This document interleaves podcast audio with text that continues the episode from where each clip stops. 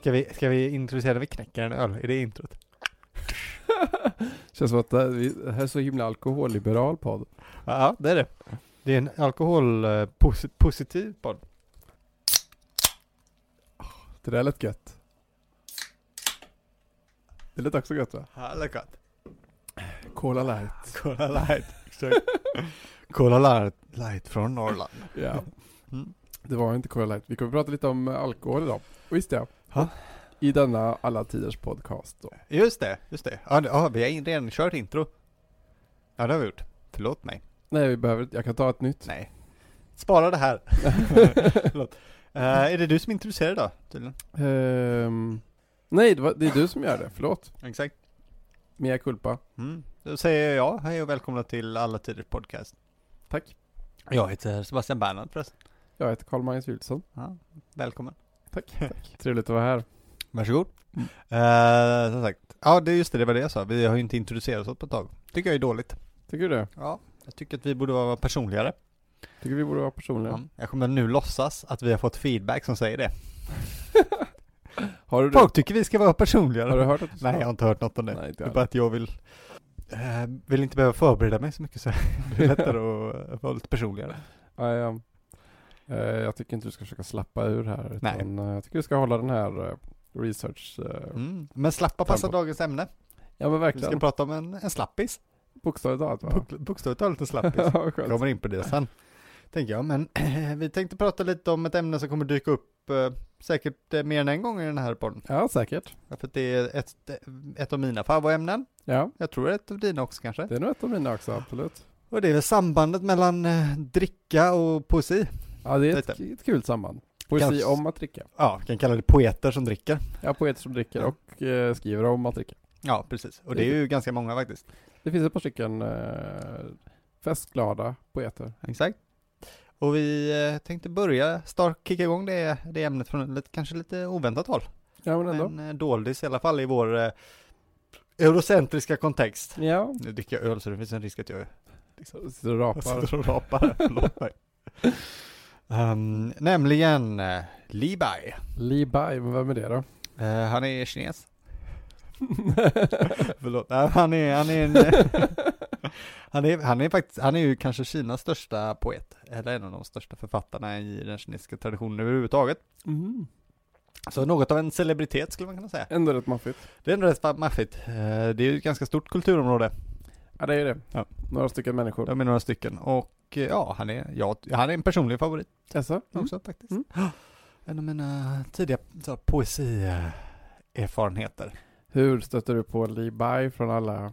Ja, glad att Eh, du frågar. Ja. Eh, Det har faktiskt inte inövat den frågan Nej. så att, eh, Nej jag undrar, nej, jag Du undrar undrar genuint genuint, för ja. att eh, jag har absolut inte eh, nej. stött på honom faktiskt. nej, det var en slump faktiskt. Det var eh, via såklart Alf Henriksson. Han berättade för Så- dig om. Som som alla tonåringar så s- slukade jag ju min Alf Henriksson. Ja, det gjorde jag faktiskt. Eh, och eh, jag var sådär, jag, så här är det, det här är kanske är en konstig Jag tränade ju kung fu i min tonår.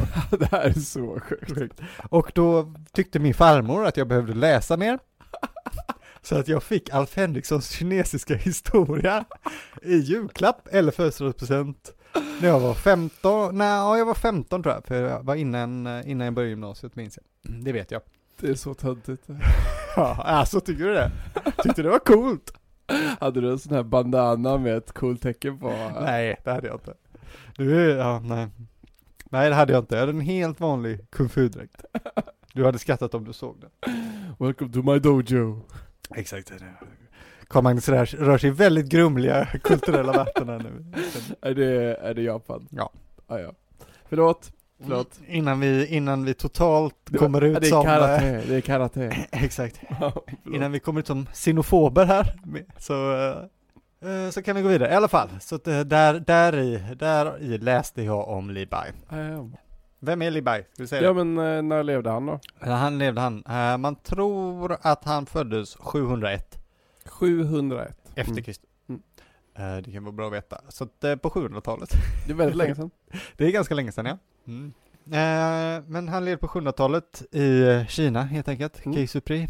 Eh, under en period som kallas Tang-dynastin. Tang-dynastin. Mm. Ja, och som är välkänd framförallt för sin poesi. Det här anses vara den bästa kinesiska poesin. Okej. Mm. Tang-poesin. Mhm. Via framförallt en samling. Som kom på 1700-talet i Kina då. Eh, som hette de 300 Tang-dikterna. Där man gjorde en best of. så att Jaha, säga. okej. Eh, och eh, där i hade Li Bai ett antal, eh, 30 någonting tror jag, kanske 34.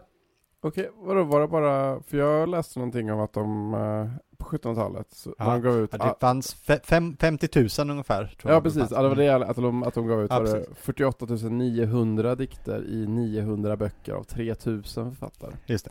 Ja, ja, jo, Det är det, så finns, jävla det mycket. finns ju många. Men av dem så finns det ju en, en topplista. Ja, Det är de 300 tangdikterna. Okej, okej. Av dem så räknas ju Li Bai och Du Fu som de två stora. Okej. Och därom, det här är lite Bernini Borromini. Vem Aha. eh, gillar man mest? Och vad är man för typ av person? Kan, man, kan Ah, vi prata ja. in på. Det har vi pratat om innan. Att det finns olika personlighetstyper kanske. Ja, Eh, det är en lägerdelare det här. Det är en liksom. lägerdelare. Nu var de ju vänner då till skillnad från kanske Bernini och Borromini, Mm. Libai och Dufo. Men de var ganska annorlunda. Dufo var lite mer somber, hade ett ganska deppigt och sorgligt liv. Jaha. Eh, Libai var en ganska skön snubbe. Ja. och hade väl ett eh, ganska, det fanns sorger i det men eh, det verkar inte som att han lät dem komma åt honom så hårt. Nej. Men alltså ska vi börja lite med att dra upp ehm, den här, den typen av Kina då som han, eh, som han bodde och levde i? För det är ju ett Mm. an, lite annorlunda Kina mot eh, vad vi tänker kanske idag. Ja, det är det ju. Det är ju. Och eh, vad jag läste i alla fall så grundades ju det av då han som hette Gao Zhu. Mm. Som då var den första av den frejdade dynastin Tang. Ja, härligt. Och eh, i alla fall vad Alf Henriksson skriver är ju att det här var en dynasti med starka utländska inslag. Just det. Många av dem hade fruar från främmande länders liksom, härkomst och eh, enligt då Alf Henriksson inga nationalistiska fördomar och eh, de hade lätt att komma till tals med turkar och grannfolk även om de också låg i en hel del krig. Men Ja. inte, inte minst Turkiet och sådär. Och, eh, Ja, inte Turkiet, eh, jag vill inte, jag vill inte märka dina ord. nej, nej, det får du jättegärna göra. Eh, Men när man pratar om turkar så pratar man ju kanske mer om Turkmenistan, Jaha, alltså Centralasien. Tu- det turkiska folket eh, kommer ju från Centralasien från början. jaha, Eh, och turkiskan är ju släkt med mongoliskan till exempel. jaha. Ja. Ja, nej, jag, jag, är satt, jag är satt ute på, eh, inte bara grumligt Nej. vatten utan Nej, också det, det, osäkert det, det, vatten. man tänker ofta turkar och Turkiet, Ja. och det är ju rimligt. Eh, men de turkiska språk, eh, jag vet inte om det räknas som en språkgrupp, men språken är ju centralasiatiska. Turkarna vandrade ju ner, den, de turkarna som har sen blivit Turkiet vandrade ju ner eh, sen eh, framåt eh, 1000, eller 9000, 1100-talet kanske in i Anatolien. Ja, ja. Jaha. Ja men eh, fan, det var ju bra. Mm. Så att man inte står här och kommer med osanning. Nej, det är ju tråkigt.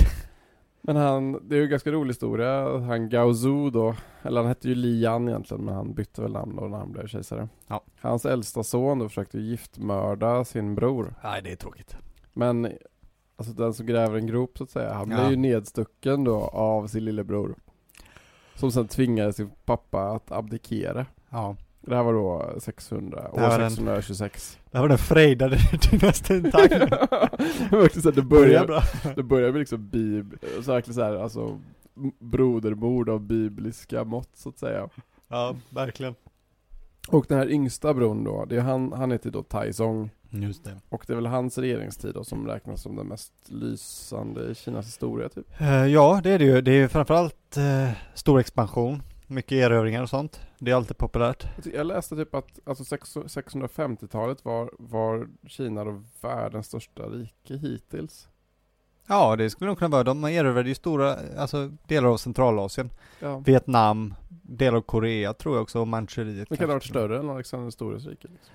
Nej, det är tveksamt i och för sig skulle jag säga. Ja, i och för sig, det är, alltså Centralasien är ju väldigt stort. Ja.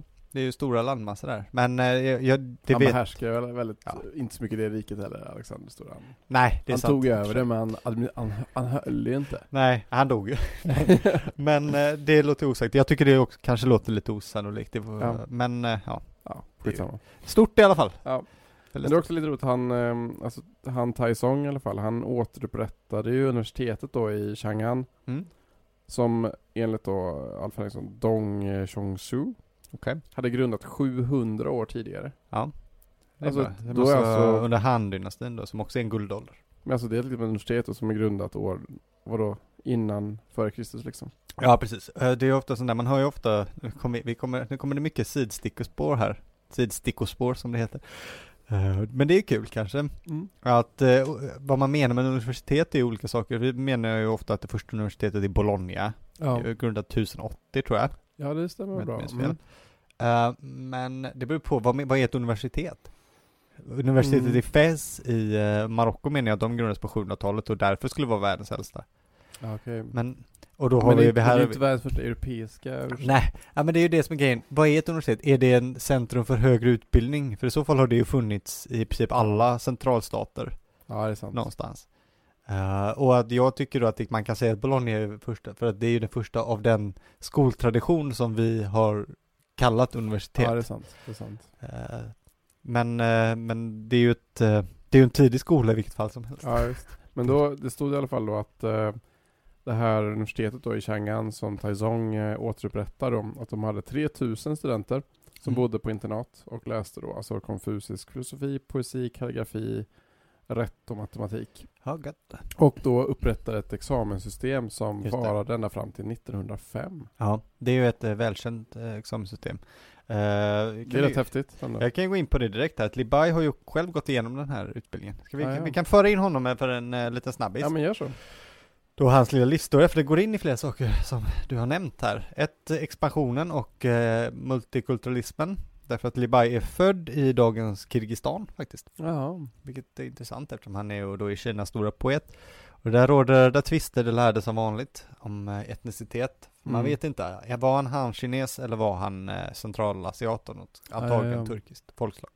Saker som är viktigare idag än vad det var då. Precis, helt enkelt. Det var ingen som skrev ner hur han såg ut. Han skrev ju på kinesiska, så- så, så det räcker ju. Eller på eh, liksom, eh, den litterära kinesiska för sin tid. Mm. Så att eh, det räcker väl som etnicitetsmarkör. Ja. Han flyttade redan som femåring från, eh, från Centralasien in till eh, Yangju som ligger i Sichuan.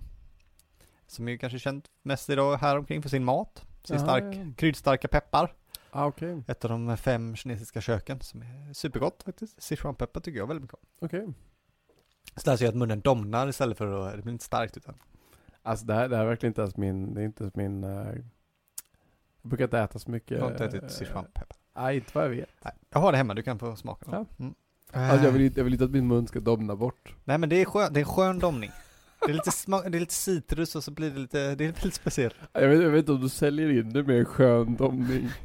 Jag lovar dig. Ja. Framförallt bra blandat med eh, chili, så, eh, f- f- eh, fermenterade svarta bönor i chiliolja. Jaha, okej. Jättegott. Ja, det låter... Chiliolja är gott. Ja, magen dagen efter däremot. Mm. Sådär. Men eh, han, hans familj gjorde sig med största sannolikhet eh, förmögna på eh, sidenvägshandel.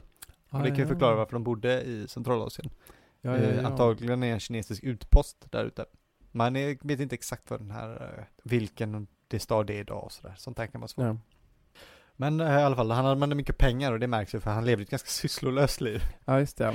Det var trots då att han fick en eh, mycket fin utbildning med allt det här. Och det- Alltså han läste då de eh, konfucianska klassikerna, Mm. som de kallas, för att kunna ta det här, ex- den här examen då, som är det kinesiska, för att kunna bli en ämbetsman måste man ha tagit en eh, kinesisk ämbetsmannaexamen. Okej. Och för det man kunde de, och eh, kan vi gå igenom dem för de är lite roliga. Det är då eh, de, framförallt fem klassiker. Nu har jag inte skrivit ner alla fem. Det var dumt, men fyra i alla fall. Eh, den ena är Lun Yu, Samtalen med Konfucius. Eh, och det är liksom eh, Konfucius filosofi helt enkelt. Det är som en dialog, som en Sokratisk dialog ungefär. Mhm. Eller liknande. Fast det, ja. S- Konfucius och hans lärjungar. Sen är det det roliga verket eh, I Ching. Som eh, folk som gillar eh, spå, spåtanter kanske känner till. För det, det, det, Gör den här tärningsboken. Ja, det har att göra med, ibland ofta, det, det säljs ofta med sådana här kinesiska mynt och så ska man, det blir lite av en... Och så blir det kombinationer och så ska man slå upp vad det betyder typ. Ja, Eller så här. eh, vi kan kalla, det de håller på med är ju, eh, vad vi kan kalla kulturell appropriering i sin allra värsta form. Ah. Men, eh, men i alla fall, Förändringarnas bok betyder det och det är en handbok i spåkonst och eh, astrologi och sånt där. Det är inget- det var ju populärt världen över på den tiden. Eh, Och de- alla de här är sammansatta någon gång på 500-talet före Kristus antagligen. Mm. Eller i alla fall då de blir liksom standardiserade. Sen har vi Shu Jing, det är histo- historieklassikern. Så det är kinesisk, väldigt tidig historia. Eh, Xia, Shang och eh, Zhou-dynastin. Och det är sådär halvmytologisk historia. Så det är mycket gudom, gudomliga kejsare och sånt Ja, ja, där. ja. Och monster och sånt där. Kul grejer, helt enkelt. Var, var, är, var är man i tid då? Men i tid då, ja, då är man ju i allt från eh, väldigt tidig bronsålder. Eh, kanske, men alltså mm, Shang-dynastin var ju ungefär samtida med Knossos-palatsen tror jag. Jaha, så man kan typ jämföra det med att, liksom, att Rom har ju också ett mytologiskt eh, ursprung och ja, sådär. Så precis. Lite, Ja men det är faktiskt en väldigt där, bra lite jämförelse. mellan saga och Där finns grundläggningshistoria. till och med en ganska bra jämförelse, vilket är att eh, Shang-dynastin trodde man länge var en saga, precis Ah. som eh, Troja. Trodde man ju var en saga tills Ja, just man det. hittade. Eh, ah, saker. ja. Precis på samma sätt som att Schliemann grävde upp en stad där, där genom att använda Iliaden som handbok, så lyckades man hitta Shang-dynastins huvudstad, Anyang. Jaha, Så tydligen fanns den här. shit. påstådda sagodynastin. Det är ju rätt häftigt. Ja, En så. så, vad är fairytale come true, ja, precis. bokstavligt talat. Det är extra roligt. Eh, Men för, för vår eh, kära Li Bai så kanske det viktigaste då var Xi Jing, vilket det var, eh, eh, vad heter det, Eh, poesins bok. Mm. Jaha. Poesiklassikern, där ordet Jing som du hörde dyker upp i I Jing, Shu Jing och Xi Jing. Med reservation för uttal extra, extremt mycket eftersom jag inte pratar kinesiska. Ehm, betyder klassiker eller viktig bok. typ. Jaha, okej. Och Oshi betyder då poesi, så poesiklassikern. Och det är en samling 305 dikter och folksånger som enligt eh, legenden då ska ha sammansatts av Konfucius. Mhm, okej. Och de här tillsammans med en hel annan drös, matematik och andra böcker, måste man då mer eller mindre memorisera för att kunna klara de här examensproven. Mhm. Eh, Och de var- ska ha varit väldigt, eh, väldigt svåra. Eh, Jag kommer inte ihåg jag vet inte om Libai någonsin ens försökt faktiskt. Han var mer intresserad av det andra som också ingick i utbildningen. Jakt till exempel var viktigt. Mm. Man var tvungen att kunna jaga. Det lärde han sig. Tämja fåglar. Eh, matematik. Det är ju tråkigt. Men något som Främja blev... fåglar. Ja, det är väl bra. Men det som blev Libais specialitet faktiskt, okunnigt, var faktiskt eh, att fäktas. Ja, ja. Han var, någon av en, han var faktiskt något av en kampsportsmästare. jag, tror, alltså, jag tror att Alf Henriksson skrev att han var en kringvandrande riddare som högg ner busar. Du får Ja. gärna utveckla det här eh, åt mig. Ja, det tänker jag, jag tänker jag göra, för det är faktiskt en av mina favoritformuleringar ur all historielitteratur. och det är väldigt extremt bra beskrivet om Högg vad han ner gjorde. busar. Ja, men han drev runt med ett svärd på landsbygden Mm. och eh, utmanade folk på duell och försvarade hjälplösa och sånt där. Ja. Va, var han en hjälte? Nej, jag vet inte, det här finns, det är ett koncept lite i kine, traditionell kinesisk kultur. De här personerna, gud, den här ölen verkligen eh, slår till direkt. Nu ska vi se, jag har skrivit upp namnet på vad det kallas. Ja, i alla fall, eh, vi kan ta det härifrån istället då, för att han, eh, han enligt honom själv så kan han börja duellera redan i tonåren. Mm. Och, eh, här ja, precis. Och sedan i sin ungdom vandrar omkring som en Yochia. Vilket är, vilket bäst beskrivs kanske som en kringvandrande riddare. Även om riddare för ju kanske konnotationen lite till en, alltså dels ryttare, men också eh, en form av aristokrati. Det är ju det här också det, men det är liksom, riddare är ju något väldigt specifikt. Okej. Västerländskt, ju, medeltida riddaren. Ja. Det här är ju något annat. Det är inte kung Arthur som... Nej, men man vandrar omkring med sitt svärd och försöker göra Mm. eh, bra saker liksom. Alltså lite som en Bounty Hunter typ. Alltså i Ja. Clint, alltså så här Clint Eastwood Cowboy. Ja, Man men åker runt ungefär och så. gör grejer för, och så tjänar man pengar på det typ. Ja, ungefär. Mycket, man, man försvarar gärna sin heder mycket genom att, genom att duellera också. Ja. Så För det, man- gör, för det gör ju Clint Eastwood också. Han, han gör ju dueller och så säger någon så här, och så fångar han ju en massa skurkar som är efterlysta och typ så här och ja rä- räddar en Just det. stad som terroriseras av eh, några skurkar typ. Och så skjuter han ner dem och så. Ja, det är ungefär så ja. Ja. Så drev eh, Libai omkring Vad i fan? sina Det här är kanske, jätte, 20s. det här kanske är jättekonstig eh, liknelse men den här eh, finns ju en cowboyfilm, nu kommer jag inte ihåg vad den heter. Jo, vänta. Som ju är en remake på en Kurosawa-film, ju, en samurajfilm. Ja, det är några till exempel eh, S- Sju... eh, Eh, de- The Magnificent Seven heter Ja, det på exakt, engelska ja. svenska. Det är, de, det är ju de sju samurajerna. Ja men precis, så finns det någon, alltså jag vet inte om det är samurajer och det som han gjorde nu är samma sak, men då finns det någon liknelse här mellan cowboys och... eh, Och eh, Georgia, Ja, eh, det finns en liknelse mellan den här påhittade cowboy Clint Eastwood Biten, cowboy. absolut, det finns det. Eh, det, är det. Okej, men han cowboy Men det är faktiskt film. många av Clint Eastwood-filmerna som är Kurosawa remakes. Okej. Eh, Jag tror att en handfull dollar är Yojimbo. Men, Jaha. Fan, det visste inte jag. Den har jag sett. Den är bra. Jag gillar de här cowboyfilmerna. ja, det är bra. Kurosawa-filmerna är också ganska bra. Där är jag lite sämre tyvärr. Men jag har sett, jag har sett mycket cowboyfilmer. Nej, det är ju- det är ju skitnice. Spagettivästern. Jag älskar också dem. Så det är de Sergio bästa- Leone-filmer, det är ju Ja, just. fantastiskt. Det är de bästa cowboyfilmerna. Ja, det är klart. Det är klart. Jag vill inte att det ska vara verkligare än så. Nej. Men alltså Lee Bio är alltså lite av en Clint Eastwood ungefär. Ja, precis. Eh, innan han eh, slog sig ner lite senare eh, då, efter, jag vet inte exakt vilken ålder, men när han började närma sig 30 kanske. I eh, huvudstaden Chang'an Ja, ja. och runt hovet. Jag läste typ att han, han försökte bli ämbetsman typ. Ja, eller? precis. Mm. Det verkar inte ha gått så jättebra. Han var ju kanske inte lagd åt studier. Nej. Därför att, eh, ja vi kanske ska gå in på det nu, för vi har ju fortfarande inte nämnt, liksom gått in på hans, eh, vad har det här med, med alkohol att göra tänker ni? Ja. Ja, det, han kallas ju, på svenska Wikipedia kallas han för den kinesiske Bellman.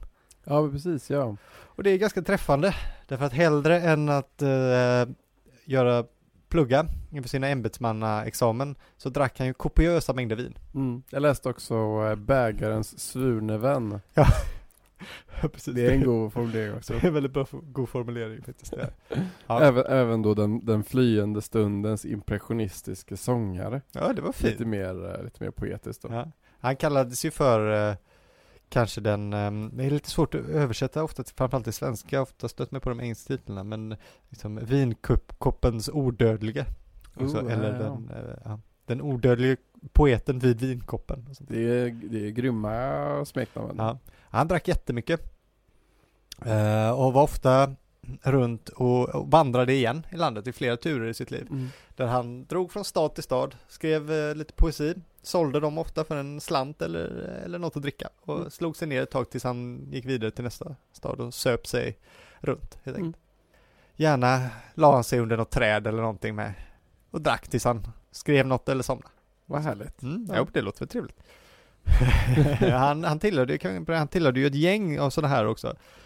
Ja, busar. Eh, Av busar, kan vi kalla dem. Nej, Eh, ja, cowboys. Nej, inte av cowboys, utan Nej. av eh, eh, folk som gillar att dricka och dra sig tillbaka. Han och eh, säg, fem andra män eh, valde att eh, dra sig undan ett tag från eh, liksom, hovlivet och stadslivet. Från Chang'an. Chang'an var ju en otrolig stad vid den här tiden, den var ju gigantisk, sin tids största stad. Vad heter den idag? Den heter fortfarande Chang'an. så- Jaha, okej. Bara att man inte känner till den. Nej, Eller? den är väl inte så, så viktig idag. Men det var alltså Kinas huvudstad då alltså? Ja, det var Kinas huvudstad. Eh, Den eh, hade någonstans mellan en och tre miljoner invånare. Eh, År 700. 700 nå- på 700-talet när han var där. En rätt stor stad då? eller? Rätt stor stad och då eh, raka gator, stadsplanerade, allt sånt här som tillhör en eh, riktig pangstad liksom. Vi Mon- nämnde ju i förra avsnittet att Stockholm hade 10 000 invånare då, eh, år, fe- år, fem, vad är det, år 1600 eller vad det var, 1620. Ja, så därifrån kan man ju dra. Så 3 miljoner på 700-talet. Ja, det kan, I, kanske I att, eh, huvudstaden ja. Chang'an. eh, precis. Det är väldigt mycket människor. Det är Jag sjukt. kan räkna kanske att Konstantinopel hade en, ja, kan väl ha haft en halv miljon. Och, eh, och Bagdad också kanske Mm. hade, hade ju väldigt många i alla fall. Mm. Men det var ju utan tvekan den största staden. Shit. Mm. Men de tyckte kanske det var lite bulligt så de drog det sig tillbaka och då kallas de för eh, de sju slappa vid bambubäcken. Vilket är ett roligt namn. Sju slappa. Ja, eller de sju dagdrivarna kan man också översätta det med. Jag, gillar de tycker- sju slappa ja, bättre. jag tycker det är bättre. Det är faktiskt det betyder slappa. Mm. De sju som slappade vid en bambubäck. Fan vad nice. Och där hängde de, drack, eh, drack jättemycket vin och skrev poesi för varandra. Mm. Det är lite av, ett, eh, det är lite av en grej i kinesisk eh, tra- eh, kultur. De här män som drar sig undan för att dricka vin vid en bambunott. Jaha. Eh, Den första och liksom arketypen för det här är de, eh, ska vi se, vad heter de nu igen, de sju vise vid, vid bambulunden. Jaha. Eh, Och det var, ja, de levde på 200-talet. Eh, Och de gjorde ungefär samma sak, fast de var lite mer... De var mer visa än slappa. Ja, de var med, de var med för filosofi. Mm. Eh, och så spelade de mycket musik också. Det, verk, det vet jag inte om de sju slappa gjorde så mycket. Kanske inte. De var inte riktigt, de hade inte lika höga ambitioner. Men så, så många av de här dikterna har de kommit till då kanske, alltså medan de då sitter och egentligen och dricker vin under ett träd. ja, precis. Han, ja, precis. Ungefär så. Och det är ofta där man hittar honom i dikten också. ju. Ja. Ehm, och, eh, men många av dem kom också till via hovet, där, där kejsaren kallade in honom ofta för att drämma till med en dikt. ja. Han ska ha kommit in ibland så full att han inte kunde stå, man kunde alltid leverera en, eh, en dikt. Shit. Mm. Han var extremt uppskattad under sin egen tid. Han låter som ett proffs då. ändå en- Alltså, Absolut. Ja, verkligen. som en sån här rockmusiker, så här, även om man har liksom 75 öl i sig så kan man ändå dra av sina låtar och liksom ändå säga jag kommer ändå avsluta mitt set här. Ja, exakt. Ja. Ja, han var jätte, han- och han var så superpopulär under sin egen tid. Det här var ju en tid då, då framförallt adeln lev, hade ett ideal av, av poesi, tillbakadragenhet, det man skulle kalla otium kanske. i liksom, eh, västerländsk tradition. Mm. Att man ska leva ett kulturellt liv, eh, också mycket jakt och, och sådär villalivet på landet. Typ. Mm. Och då passar ju Libai in som handsken liksom. Men ska vi inte dra någon sån där härlig dikt då om ehm, Eh, jo, ska vi börja med det? kan vi göra. Så att vi får höra hur det låter när han eh, sitter och myser under ett träd. Ja, ska vi ta, vilka vi tar de kändaste? Ja men gör så. Mm. Eh, jag har gjort en liten översättning till den. Coolt. eh, Som även finns i variant på min hemsida, om ni vill kolla in den. Ja, vad heter den nu igen då? Den heter gammalpoesi.wordpress.com Ah, nice. men verkligen en jättebra bloggsida för Ja. fina interlinjära översättningar. Precis, eh, men eh, det här är då eh, Att dricka med månen Mm. Jag har gjort en eh, ganska fri översättning här. Alla in- översättningar är fri, är väldigt fria från kinesisk poesi. Eh, Men den går ungefär så här. Bland, bl- eh, min version rimmar inte som Alf Henriksons gör Nej. om ni läser det. Det är annars han som har, brukar ha gjort upp sådana här översättningar. Bland blommor med en bägare vin dricker jag ensam utan en vän, så jag lyfter min skål mot den klara månen. Och med min skugga blir vi tre, men månen kan inte dricka, och skuggan följer viljelöst. Men för en tid har jag dem båda som vänner, och lycklig kan jag vänta på våren. Jag sjunger för månen och vankar omkring, jag dansar med skuggan förvirrat. Tillsammans är vi lyckliga en tid. Och trots att vi förlorar varandra i fyllan, reser vi alltid bundet tillsammans till den fjärran vintergatan. Ja, fint. Ja, det är ganska fint tycker jag faktiskt. Och månen är ju någonting som återkommer ju också i Ja. biografin då. Just det, du tänkte på, det finns ju en eh, legend om hans eh, död menar du? Ja, Precis, det är lite oklart det här, men vet att han dog, eh, han brukar säga så att han dog 762. Mm. 762. Mm. Precis. Så han var alltså 61 år gammal, om jag räknar ut lätt. Men ändå en eh, respektabel ålder. Ja, det är väl ingen konstig ålder historiskt sett. Det är väl en- till och med en ganska hög ålder. Ja, faktiskt. Trots livsföringen så får man Ja. ändå säga gott, gott gjort. Mm. Eh, men det var ett område som heter eh, Dangtu i dagens Anhui-provins, för de som är bevandrade i sånt. Eh, men då, enligt legenden så ska han ha dött därför att han försökte krama om månens spegelbild i Yangtzefloden. Mm. och där alltså drunknade. Det här, eh, ja jag vill ju gärna tänka att det förhåller sig så, men eh, vem vet. Men motivet kanske kommer lite från hans poesi också. Då. Ja precis, månen finns ju typ alltid med. Ja.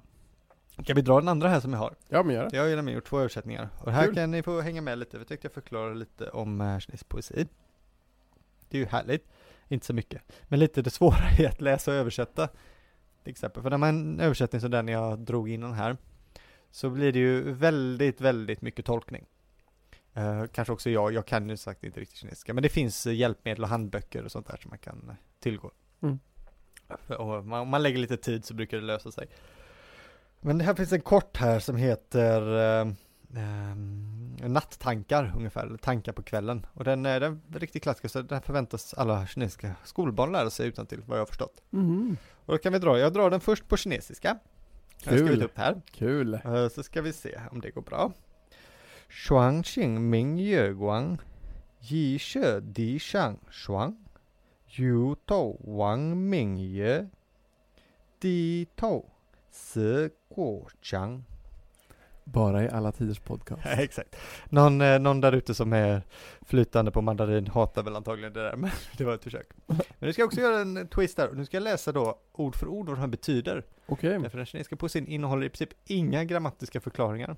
Den är Mm. väldigt frånkopplad och enligt det här måttet då så är det fyra tecken per rad Mm. enligt ett specifikt eh, schema. Det ska också rimma men nu gör inte alla ord det dels längre för att de eh, Ändrat uttal. Ja, ändrat Mm. uttal sen dess. Sen är det så att alla ord inte ens rimmade då. Det var bara att de enligt de standardiserade rimschemana som den kinesiska poesin hade skapat sig från ännu tidigare, kanske nästan tusen år tidigare, så rimmade de. Så de hade Aha. alltså rimmat vid något tillfälle. Jaha, så Sen var det- fortsätter man använda dem. De rimmen, precis. Det kan man ju se ibland i svensk poesi också, gammal, att, liksom att det finns såna här ord som rimmar i stavning Ja, exakt. och som man, som man har godkänt eftersom att de rimmar visuellt fast, de, fast man uttalar det inte så liksom. Nej, precis. Jag tycker det är ganska roligt sådär. Ja. Men då blir den så här ungefär. Jag ska bara också- Säng framför klar måne ljus. Tvivel är mark på frost. Lyfta huvud, titta klar måne. Böja huvud, tänka gammal by. Och det fick du ihop det där som du läste precis innan? Eh, nej, ja, jag, nej, det var inte den, det var inte den poesin. Jag har inte läst. Nej, nej, nej, nej, nej, Översättningen på den ja, här. just det. nej, men förlåt. Nej, så, så fri var jag inte. Det var en annan dikt. Det här är en, det här är en ny Kände dikt. bara what? Det här är nattankar, det Ja, var just det. Mm. dricka med månen. Precis. Ja, precis. Det ser man ju här. Vad är det här då? Okej, säng framför klar måne. Då kan vi tolka det på flera, flera sätt. Är månen framför sängen? Nej, Antagligen. den är väl på himlen. Den är väl på himlen? Jo, jo, men. Så här är min, det här är min översätt, Okej. översättning. Ehm, och eh, det finns flera, men jag har ju baserat det lite på dem. Tittat också på rimlighetsnivå ibland. På- Rimlighet. Exakt. Utan rim då. Nej, det var roligt. Men Så här i scenen då. Framför sängen lyser en klar måne. Kanske är det redan frost på marken. Jag lyfter huvudet och ser på månen. Jag böjer huvudet och tänker på hembyn. Ja, det var fint. Mm. Mm. Men som sagt, det kan ju betyda mycket och det blir extra knepigt av att många av de här orden kan ha extremt många varierade betydelser dessutom. Ja. Eh, till exempel ordet för gammal här som, är, som jag tolkar som i hembyn kan betyda bara den gamla byn också. Att, att byn har, är av gammal ålder Ja, liksom. precis. Men det kan också vara gammal för mig. Det, kan Ja. vara- det är olika, så olika översättare tolkar olika. Och det är en del av vad meningen med den här poesin är, att den ska vara sån här. Ja, ja, Alltså den ska vara lite efemisk, man ska gärna, kanske ha druckit lite själv, ja. sitta med några vänner i, på ett festligt tillfälle, gärna i naturen. Och så kommer den här så här, wow, vad är på gång liksom. Mm. Ja, vad fint. Mm, ja, det var Jättefint fint. ju.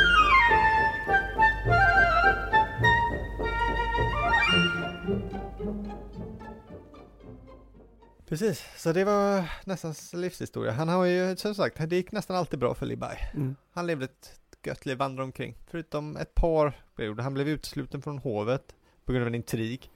Där han anklagades för att ha förolämpat en person som han kanske eller kanske inte gjorde. Okej. Klassiskt hovintrig-grej. Ja, visst. Någon förtalar någon och sådär. Som vanligt så när han hamnade sån här så blev han bannlyst någonstans. Gick dit så långsamt att, att de hann förlåta honom innan han kommit fram. Många stopp på vägen. Eh, Men det var också en värre, vilket är en av de stora katastroferna i Tang-dynastin. Och kanske i kinesisk historia. Alltså, Och det är Anlushan-upproret. okej. Det skedde nämligen under tiden. Och Anlushan, han var en general, en tanggeneral. Han var själv av centralasiatiskt ursprung. För eh, kineserna, eh, kin- kinesiska dynastierna, precis som romarna, gillade ju att eh, använda sig av andra folkslag ofta för att kämpa, utkämpa deras krig. Alltså gerillasoldater typ? Eller? Nej, men så kallade auxiliärer eller hjälptrupper, alltså att man kallar in Romarna gjorde ju det här till exempel att många av deras generaler och soldater var ju ofta goter eller vandaler. och Ja, sånt där. ja, ja okej. Stilicho för den som är intresserad. Är det bra jämförelse med Anlushan? Kanske. Mm. Eh, ja, men han gjorde uppror i alla fall. Han tyckte väl inte att saker var som de skulle. Nej. Eh, han, eh, och eh, tog under lång, eh, några år eh, kontroll över en stor del av landet faktiskt. Och tyvärr erövrade de och brände Chang'an. Okej. Det kan man ju tänka sig själv vilken eh, förstörelse det blir. Med tre miljoner invånare och... Ja, precis. Shit. Eh, men han mördades sen själv av en av sina eunucker. Så kan det Ja. gå. Man Mm. tror att eunucker är lugna, men det är inte alltid. Nej. Så är det inte alltid. Eh, mm, och kaoset fortsatte ett tag efteråt och tangdynastin repade sig aldrig riktigt. Nej. Den återställdes men guldåldern var över. Okej, den förlorade sin eh, oskuld om man säger Ja, liksom. precis. De flyttade huvudstad också till Luoyang. Mm. Och eh, ja, det blev ju också en storstad visserligen, men det var någonting där. Ja. Det blir väl ofta så, saker blir inte lika bra efter en katastrof. Och Mm. även eh, kejsardynastin splittrades och sådär.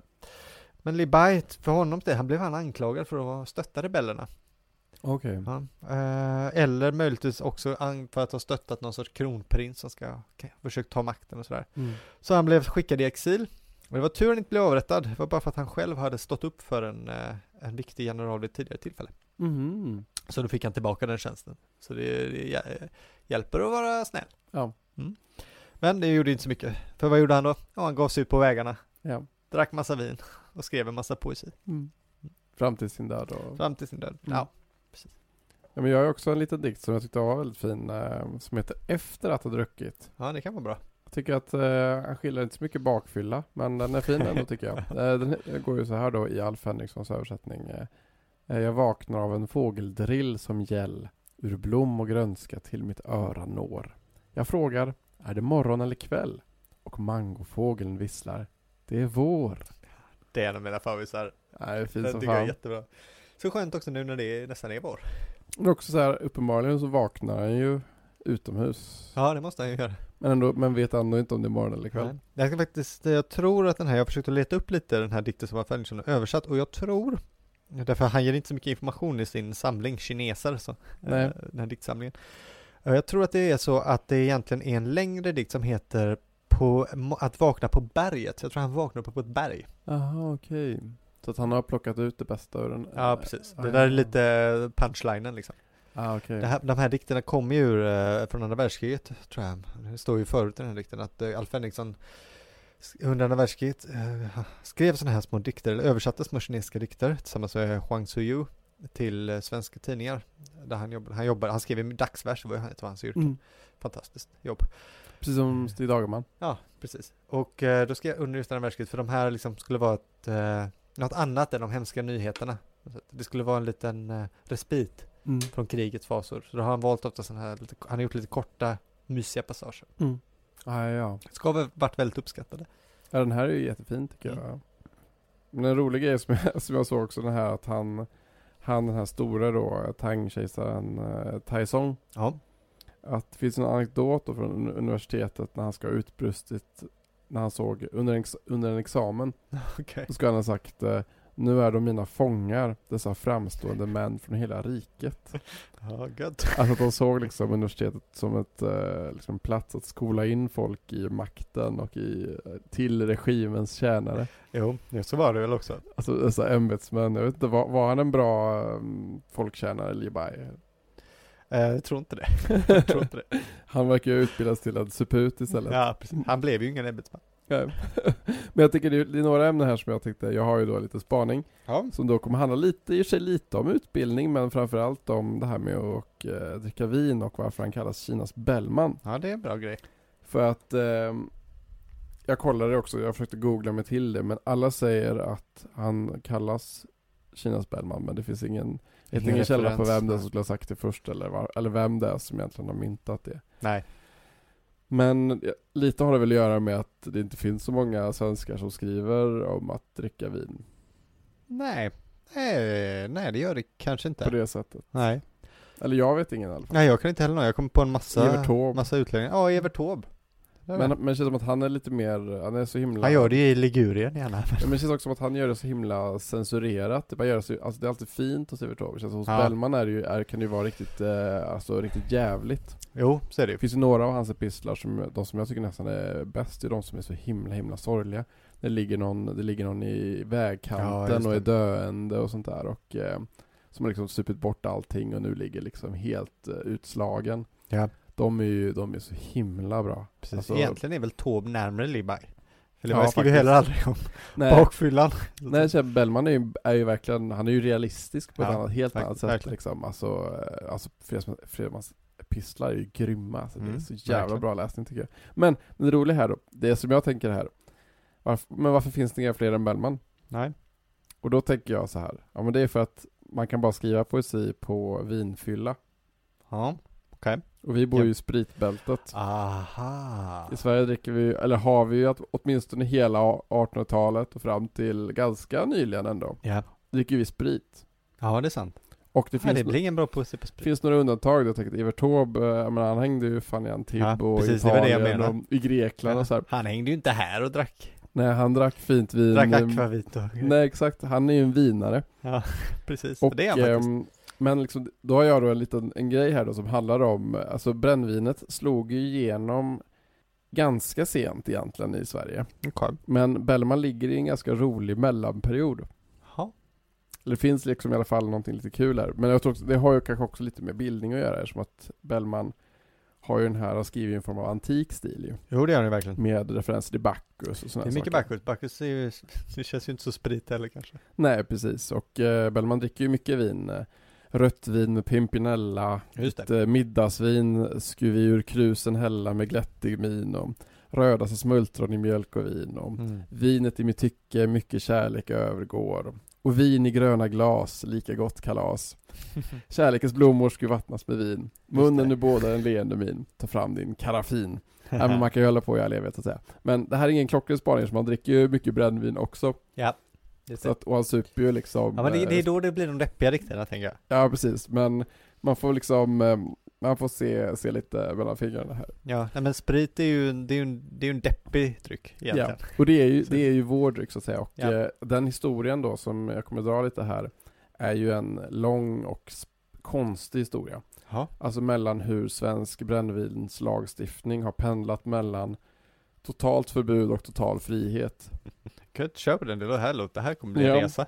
som även om man har försökt kontrollera det, inskränka det och förbjuda det i Sverige, så verkar det bara ha gjort det ännu mer begärligt. Ja. ja, det har väl varit förbjudet i perioder med bränn, brännare och sånt där. Ja men verkligen. Ja, du, du får köra den här. Jag ska inte... Men alltså så här, eh, brännvinet bör, alltså, börjar ju brännas i Sverige så här, på 1400-talet. Ja, I Sverige, men då är det inte till för att drickas utan till för att göra krut av. mm. Och de som gjorde det var så kallade pulvermakare. Som verksamhet så kallade pulverhus. Japp. Som behövde det för att fukta ingredienserna vid tillverkningen av, av krut. Ah, ja. Alltså salpeter, träkol och svavel då, i en form av tråg. Mm. Men på denna tid var brännvinet väldigt dyrt. Ja. Eftersom det framställdes ju av vin. Viss Just smutt och av viss smutt och underhaltiga vinblandningar och sånt där. ja, Och det gav upphov till väldigt små kvantiteter för man var ju tvungen att destillera vin. så är det ju. Svindyrt då liksom. Mm. Men och den första krut eller pulvermakaren man känner till hette Mäster Berents. Härligt. Ja det är faktiskt den, det är den äldsta man känner till. Ja. Och Han, var, han var verksam 1464 Ja. i Stockholm. Och man tror att han använde sig av importerat brännvin för att sen sakta gå över till att producera själv. Just det. Eh, andra som man känner till vid den här tiden är Anders Pulvermakare Coola. och, eh, och eh, Mikkel eller Michel Pulverbakare. Ja. Men, eh, och inte särskilt förvånande är ju då att det var just en pulvermakare mot slutet av 1400-talet då som skulle införa bruket av att också dricka brännvin. Mhm, just det. Från då den här eh, krutproduktionen. Just det. Det var ju ofta medicin va också? De Ja, drog ut örter i, i, i sprit och sådär. ja men så kan det vara, ja, precis. Men liksom, eh, man, man får ju då gissa att han i den här tillverkningen så har väl han då smakat på det och sådär. Ja, jo, kan Och, man ty- och tyckte att det var kul och så har han spridit det till sina vänner och sådär och Ja. bara kolla på det här. Det, det dracks, kan- började kanske drickas i utlandet också. kan man tänka sig. Ja, ja, jo men så var det kanske ja, precis. Men ehm, när den här då pulvermakaren då började liksom, eh, ja men bjussa sina polare på det här. Ja. Så kom det riksföreståndaren till känna. Aj, aj. Och den 17 februari 1494 så förbjöd de, alltså då var det Tydike pulvermakare, Hans pansarmakare och Hanna Kättgen. Man tror att det här, man tror, man tror att det här är tyskar, de här tre personerna. Jo, men det låter ju lite Jo. så. Men de, då, de blev då förbjudna att bränna eller sälja brännvin. Ja. Annars fick de betala 12 marker i böter. Där ser man. Och detta Mm, var alltså det det tror jag. första brännvinsförbud som kom i Sverige. Det var Som man tidigt. känner till, Hur 1494. många hade druckit brännvin då? Tio pers? Ja, Tio för mycket tyckte, tyckte Sten Sture den äldre. Exakt. Sten Sture. Men jag tänker att det här förbudet också, det pekar ju liksom på att um, troligtvis ehm, blev den här drycken ganska väl mottagen. Antagligen ja. Ja. Jo. Och att vissa mindre hälsosamma effekter kanske var möjliga att påvisa, så att säga. Ja, Att så för kan det vara. att man behöver inte förbjuda någonting som inte folk gillar, så att säga. Nej, nej så är det. Men det här är alltså det första, men det är långt från det sista förbudet mot brännvin i Sverige. Alltså Gustav Vasa har förbjudit det. Ja. Gustav II Adolf har förbjudit det. Klart. Karl XII har förbjudit Ja. det. Gustav III har förbjudit det. Ja, han också. Ja, jo, just Ja. det. Ja. Alla de här har liksom försökt begränsa, om inte helt eliminera svenskarnas alls för nära förhållande till sprit. Så är det. Ja, Så- men den, den här Tydike pulvermakare då, han trodde han tar det här förbudet på allvar då. Tvivla på det när du frågar så. Så att eh, det blir skit då. Så att fyra år senare, 1498, så bestämmer det här rådet då att en man som heter, eh, jag vet inte om man säger kort eller kort, men det stavas kort, flaskedragare heter han. Kort flaskedragare. Han skulle få ensamrätt på tillverkningen och försäljning av brännvin i stan. Ja. 1500-talsnamn alltså, eller 1400-talsnamn, gamla bra. Så han fick liksom monopol på det fram till 1507. Ja, okej. Och den här Tydike, pulverbakare, har inte ens tillåtits att bränna det han behöver för sin egen tillverkning av Ah, krut då. Utan Tydike. även det fick han köpa av den här flaskedragaren då. Ja. Men när han då, liksom, när hans privilegium, då, hans monopol tar slut, så, eh, så ger då eh, magistraten ger över rättigheterna till kortsvarvare. Nej, det är Som en då- annan korv. Ja. så fortsätter försäljningen av brännvin mot en avgift till Stockholms stad. Ja, okej. Och, ehm, och under hans tid, eh, jag tror att det här är faktiskt på mitten på 1500-talet tror jag. ja. Ja, precis. eh, Så eh, inträffar de första lönnbränningarna i Sverige. Oj, ja, det går också ga- ganska fort. Ja, ändå. Enligt statsböckerna skulle det följa processer då mot de som struntat i lagen och fortsatt att bränna och sälja brännvin hemma. Processer då som eh, alla, alla som blev anklagade blev benådade också.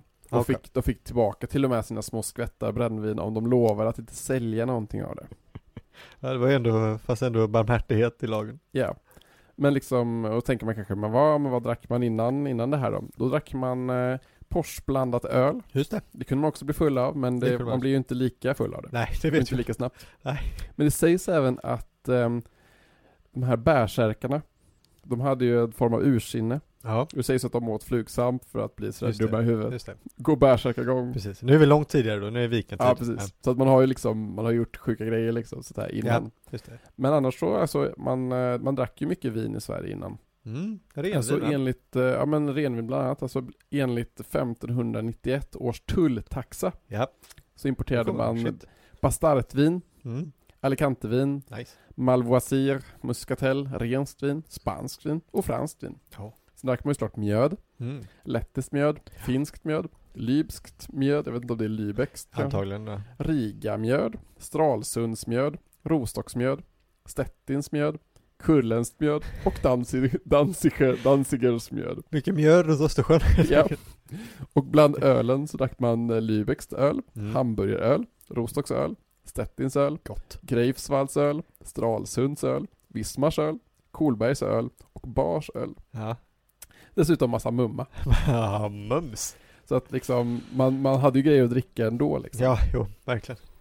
Nästa, Det låter så gott med en tysk stad med öl till. Strals, Fan, Stralsunds öl.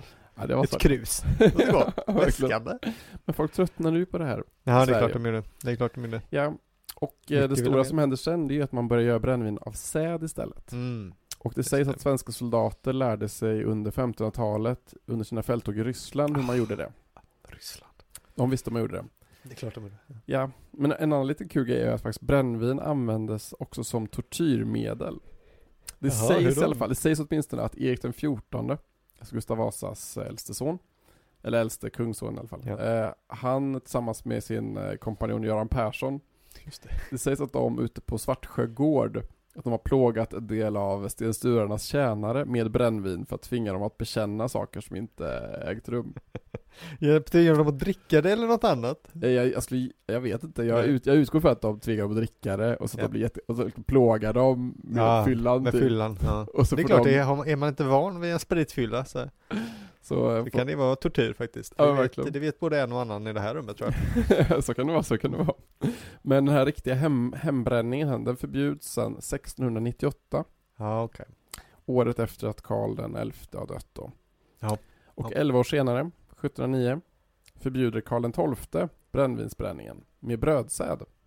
Det här Ah, är alltså samma år som han, li- han eh, har det här nederlaget vid slaget vid Poltava. just det. Så att han, liksom, han förbjuder då den här liksom, brödvi, brödsädsbrännvinsbränningen. Och ehm, sen 1740, då är det liksom 30 år senare, så eh, förbjuds brännvinstillverkning i städerna Okej. på grund av de höjda spannmålspriserna.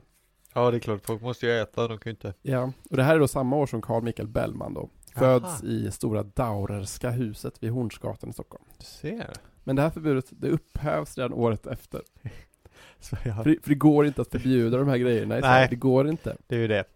Och, eh, men sen då, alltså som att det här skulle vara liksom toppen av berget. Sen kommer ju flera upp, uppfinningar då. För att eh, 1746 kommer en stor upptäckt då. Då är det en kvinna som heter Eva De la Gardie Just det. Som upptäcker hur man ska göra, hur man gör sprit av mäsk på kokt mosad potatis blandat med kornmalt. Det blev hon. Eh, det kommer in i Vetenskapsakademin för va? Verkligen, Ah. Ja. två år senare.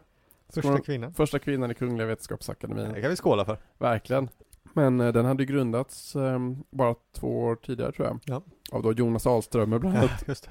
Och, eh, Han hade ju en bricka i det spelet. ja, och Carl von Linné. Men liksom, det är ändå ett eh, väldigt stort erkännande för hur viktigt den här, den här upptäckten ansågs vara. Jo, verkligen. Eh, äv- men jag har också läst att brännvinsbränningen med potatis, den, den ska ha fö- förekommit i Tyskland, alltså typ så här, sen Ah, åtminstone okej. 50 år tillbaka. Ja, alltså hon labbar den. Kanske, Kanske. men det, det vet jag inte riktigt. Eh, Nationell skandal. Året efter det här, 1747, då blir husbehovsbränningen fri på landsbygden. Ah, Hus, bara för husbehov då. Ja, mot att städerna tog på sig en brännvinsskatt. mhm. Och då en skatt som var beroende på tillverkningens mängd. Okej. Men eh, tio år senare eh, ändras den igen. För att bas- vara baserad på hemantal. Och i de mindre städerna på jordandelens storlek.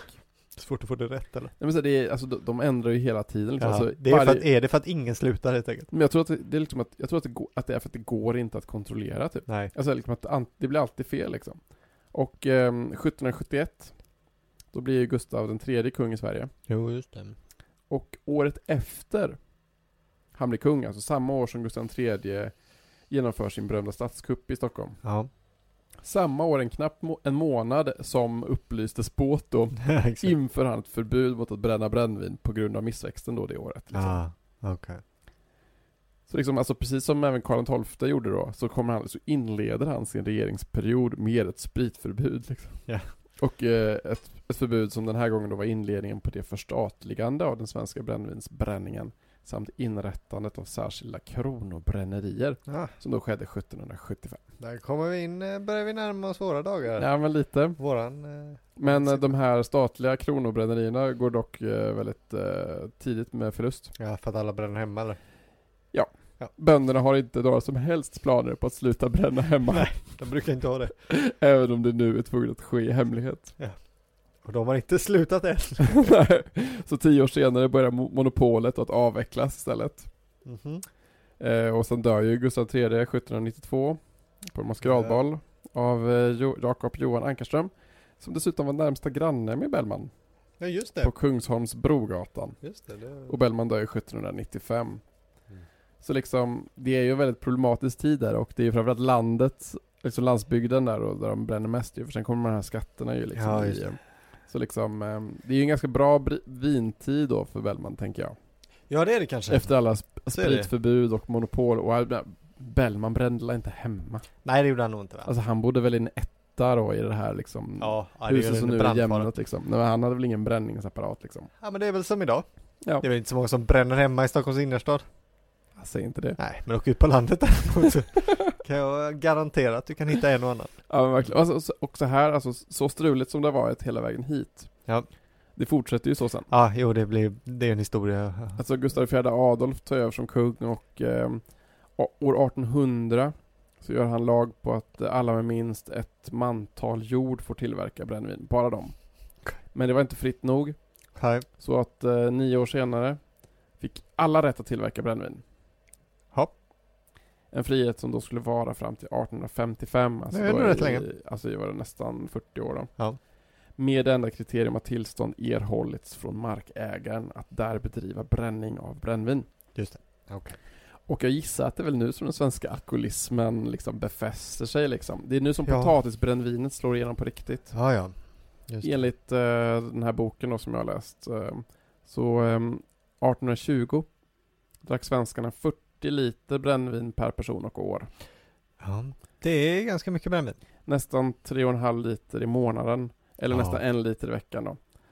Samtidigt som man måste ha i åtanke då att konsumtionen eh, måste ha varit större under särskilda högtider då som påsk, midsommar, jul och nyår. Just det. Vilket Just då det. kanske jämnar ut sig de veckor då det var eh, ont om potatis att bränna. Ja. Ja. Ja, ja men Så det, att, är ju, eh, det kallas ju ibland för det stora nordiska ruset. Eh, Och är då, eh, brukar räknas vara mellan ungefär år 1500 och 1900. Ja. give or take. Och det är ju då eh, att det var en period av extrem fylla i hela Skandinavien i princip. ja. Och det är alltså det är, det är så, jag tycker det är ändå en spännande historia just det är så mycket liksom, mycket kungar och det är så mycket eh, Ja men det händer så mycket, alltså i, jag tror att just det här eh, på- i b- under 1800-talet här, det är, eh, i mitten på 1800-talet så börjar också det fabriksproducerade brännvinet ta fart liksom. Ja, ja. Och då Så- behöver man inte bränna hemma heller om det finns billigt. Nej Köpa. precis, det gjorde ju bönderna sura men det gjorde staten glad. Ja. För det innebar ju mer pengar till statskassan då så att säga. Går att Och- beskatta det lättare ja. Ja, en kanna 10-dubbelt renat. Eh, 2,6 liter alltså. Ja. Kostar 2 kronor 1878. Okej, Vilket med dagens valutakurs skulle innebära ungefär 103 kronor. det var ett bra pris. För 2,6 liter brännvin. Det är ett bra pris. Ändå Det, helt det, okej det då. tar jag. Men 1855 då, deras riksdag, de bestäms att rätten till husbehovsränning ska begränsas drastiskt. Så 1860 förbjuds den helt och hållet. Alltså, alltså helt och hållet efter påtryckning från Ja. nykterhetspionjärer. Just det. Och liksom redan 1823 hade den första utredningen gjorts mellan just alkohol och brott. Av ett, justi- Ah. av ett justitieråd och som hette Magnus Thorén. Ja, jag förstår.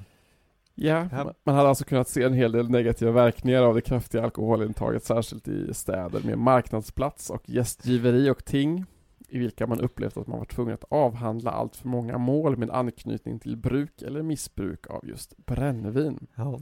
Då kan man diskutera hur mycket brännvinsdrickandet egentligen sjönk av att husbehovsbränningen förbjöds, särskilt när brännvin under senare delen av 1800-talet ju förekom som betalningsmedel, till exempel fabriks och sågverksarbetare. ja. Jo. Och det skrevs la ingen poesi. Det gjorde ju inte det. Nej. Inte, inte sån poesi i alla fall. Nej, Är inte, det därför Sverige har levererat förhållandevis lite poesi de senaste 500 åren? Säkert. Säkert. Mm. Absolut. Och eh, nästan ingenting om att dricka vin. Nej, faktiskt. Nej, det är inte Det är, sant. det är väl Bellman då, sen eh, Ja. Evert Taube då. Det känns som att Evert Taube gör väl också det av en slags Nej, jag genre-tillhörighet. hör det lite. Absolut. Absolut. Mm. Ja, ja, det, var, ja, det faktiskt finns ju lite Göteborgsanknytning här också för oss. som Ja, sitter visst. här. Ja, just. För att eh, Systembolaget kom ju ut från Göteborg från början om inte jag minns fel. Göteborgssystemet Jaha. som var en eh, tidig sätt att försöka begränsa alkoholförsäljningen i Göteborg. Eh, och, för det var ju söps som fan. Framförallt i Masthugget. Ja, ja, ja. Gör det fortfarande, så det är inget, inget nytt under solen. Från Masthugget kommer även eh, Nykterhetsförbundet, jag tror det är IOGT eller något sånt där. ja, det är väl ganska rimligt att Nykterhetsförbundet kommer från samma stadsdel där supandet är som värst. Ja, precis. Så att säga. Kommer inte ihåg vad han heter nu, det finns en liten, eh, jag gick, gick förbi den nästan varje dag när jag var barn och, och tänkte ofta vad är det för fruktansvärt ful grej som sitter på ett husvägg? Men det är först förra året jag såg, jaha det är ett minnesmärke för att här grundades, eh, jag tror det är UGT. Ja, men He- Göteborg är ju fullt av um, nykterhetsmän. Ja. Peter Wieselgren. Just det, just Mm. det.